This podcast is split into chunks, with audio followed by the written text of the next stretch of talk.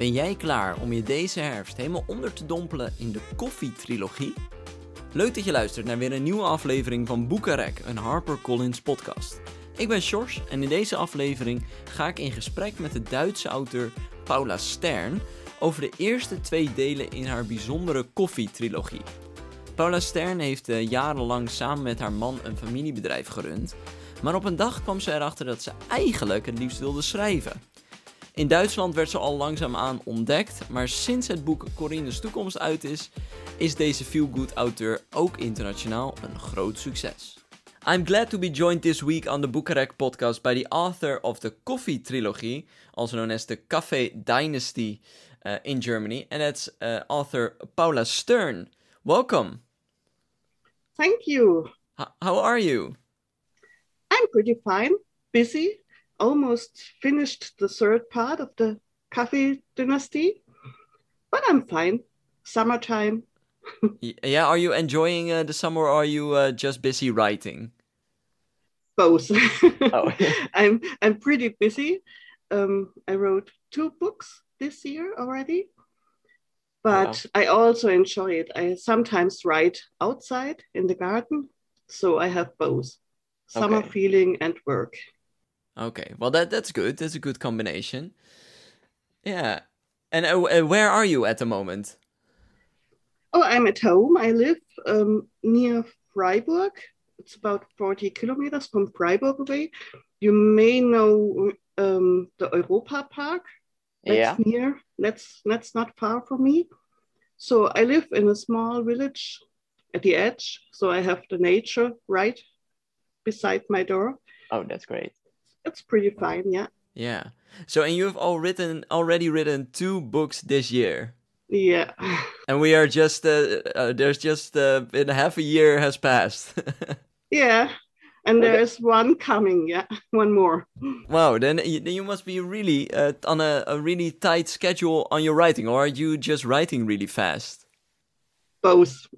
Okay. I am I'm pretty fast, but um, I have three or four books a year, so I have to be fast.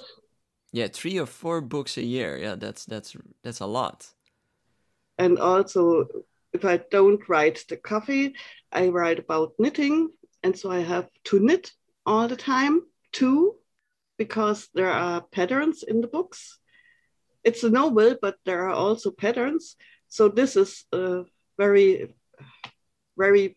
I'm very busy with wool, with with knitting. Yeah. So you have to you have to knit and write just all both for the same book. Yeah. Oh wow. well well, it's it's a good way to spend your time, I think.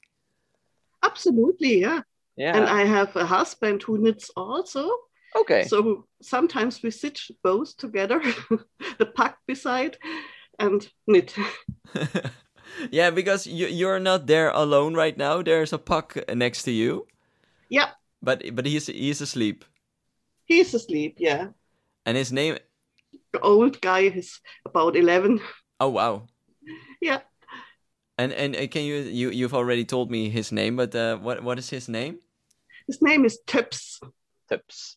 Tips, And he is a, special name. Yeah, a, 11 year old puck. yeah. And is he is he some kind of inspiration for you? You like to keep him uh, around while writing? Absolutely. He is at my side since he's nine weeks. Oh, He's- wow. yeah and um he was it was like i was writing a child book before i had tips and in this book there were a pack and so it comes that i have a puck now. Oh, i never i never wanted one. So i don't know how it comes but he was in the book he was in the story. And after a half year he was in my life. You were writing about a puck, and then you th- thought, "I want a one. I want one." yeah. Yeah it just growed. And is he is he uh, always there when you are writing? yeah he's always at my side oh wow. And uh, I think there were two weeks when I was in Wales for filming with the with a German TV sender. I was without him. uh, Unless that, he's always at my side. So it, I think uh, you said you you um, you are in nature, surrounded by nature. You have a dog, so I think you the, is that something you enjoy walking him in in nature or spending time in nature? Absolutely.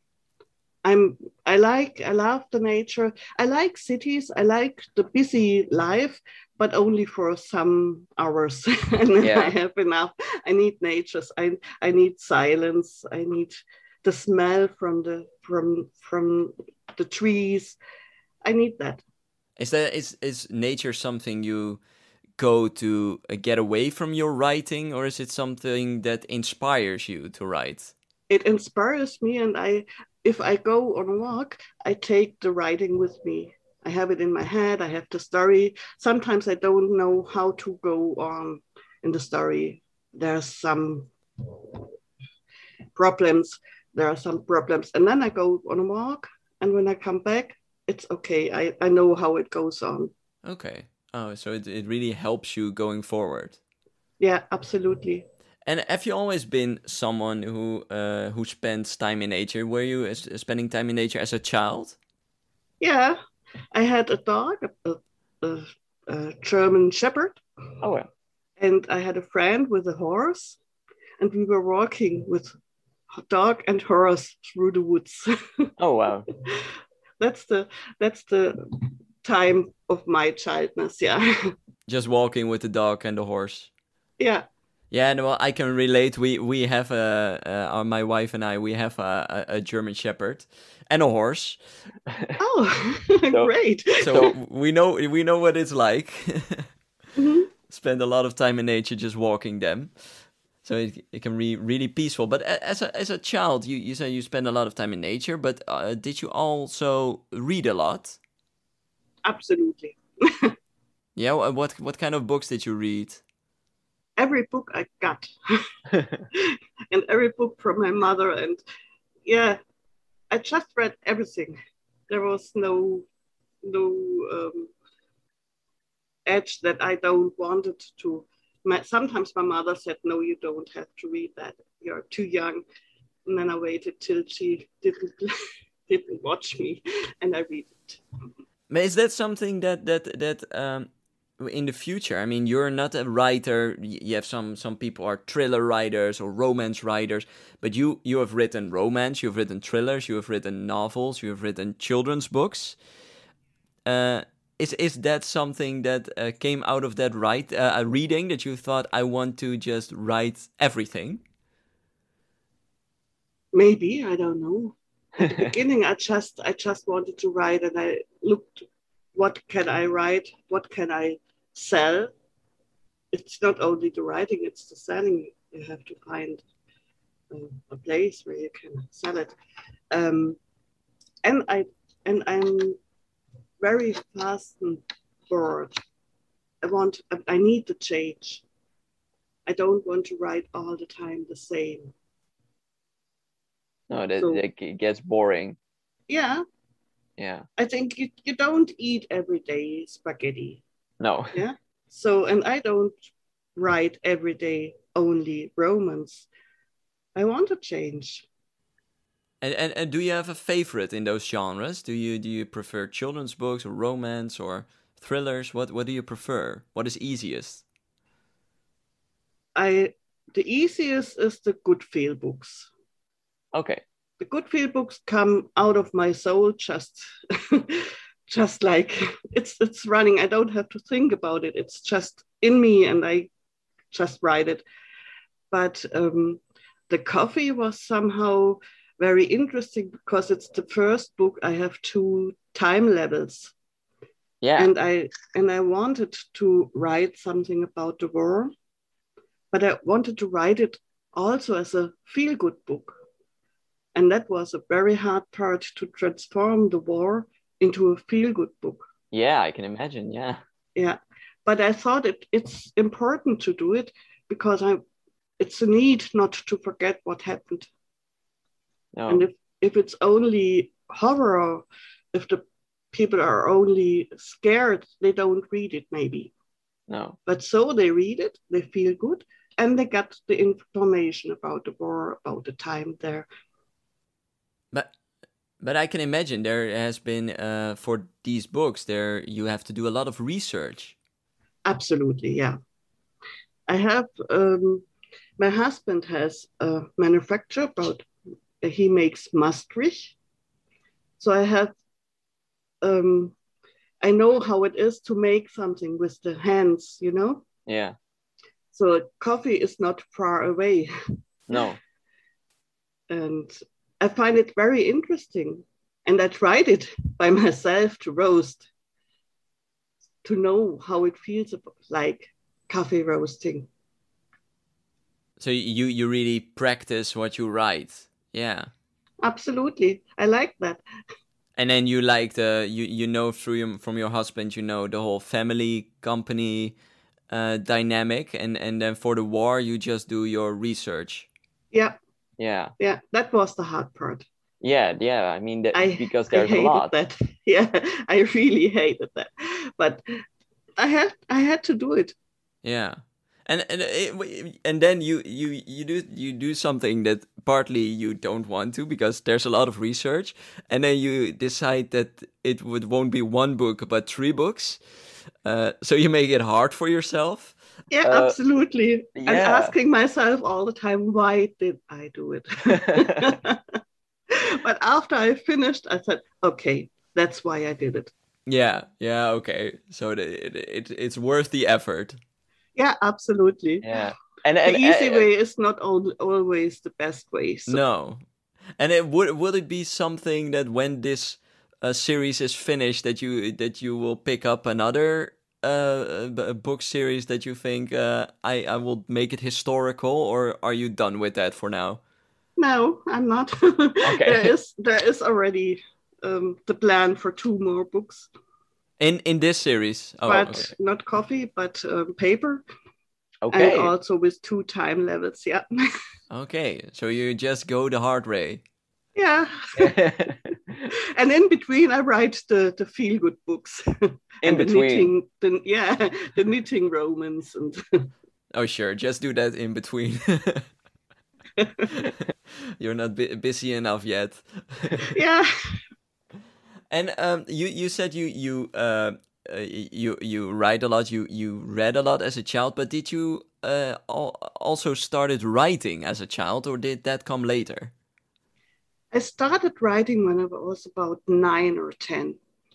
Okay. I wrote short stories, and um, then I lost it. About when I was fifteen, I lost it. Um, grew up, got married, got divorced, got married again, and then I had a husband who said, "So if you love it, why don't you do it?" And I said, no, it's a hard way to do. It's there are so less people writing and living from writing. I don't know if I can do it. I'm scared. And he said, you don't have to be scared. If you if you love it, if you want to do it, just do it. And so I did. And how, how old were you then when you decided that? 40. 40 oh wow so it has been a really big gap between you you writing and then you you stopped for for a lot of years Yeah, yeah. yeah. I never forgot it, but I I had no no power to do it. Yeah, No. there was too much life around. yeah and then you just uh, quit your job and started writing or did you do it uh, uh, and next to that what how did you do that there were several months I did both, but uh, I, I couldn't manage it. I couldn't write and um, go the stories, go go with my figures, and and and work. I, I worked with um, old people, dying people, Oh. and so the difference was too hard for me. Writing Yeah. about about the good life and feeling good, and then go to people and help them to pass away. So I, I decided now or never. and Oh, then yeah. I was a writer. Yeah. Yeah.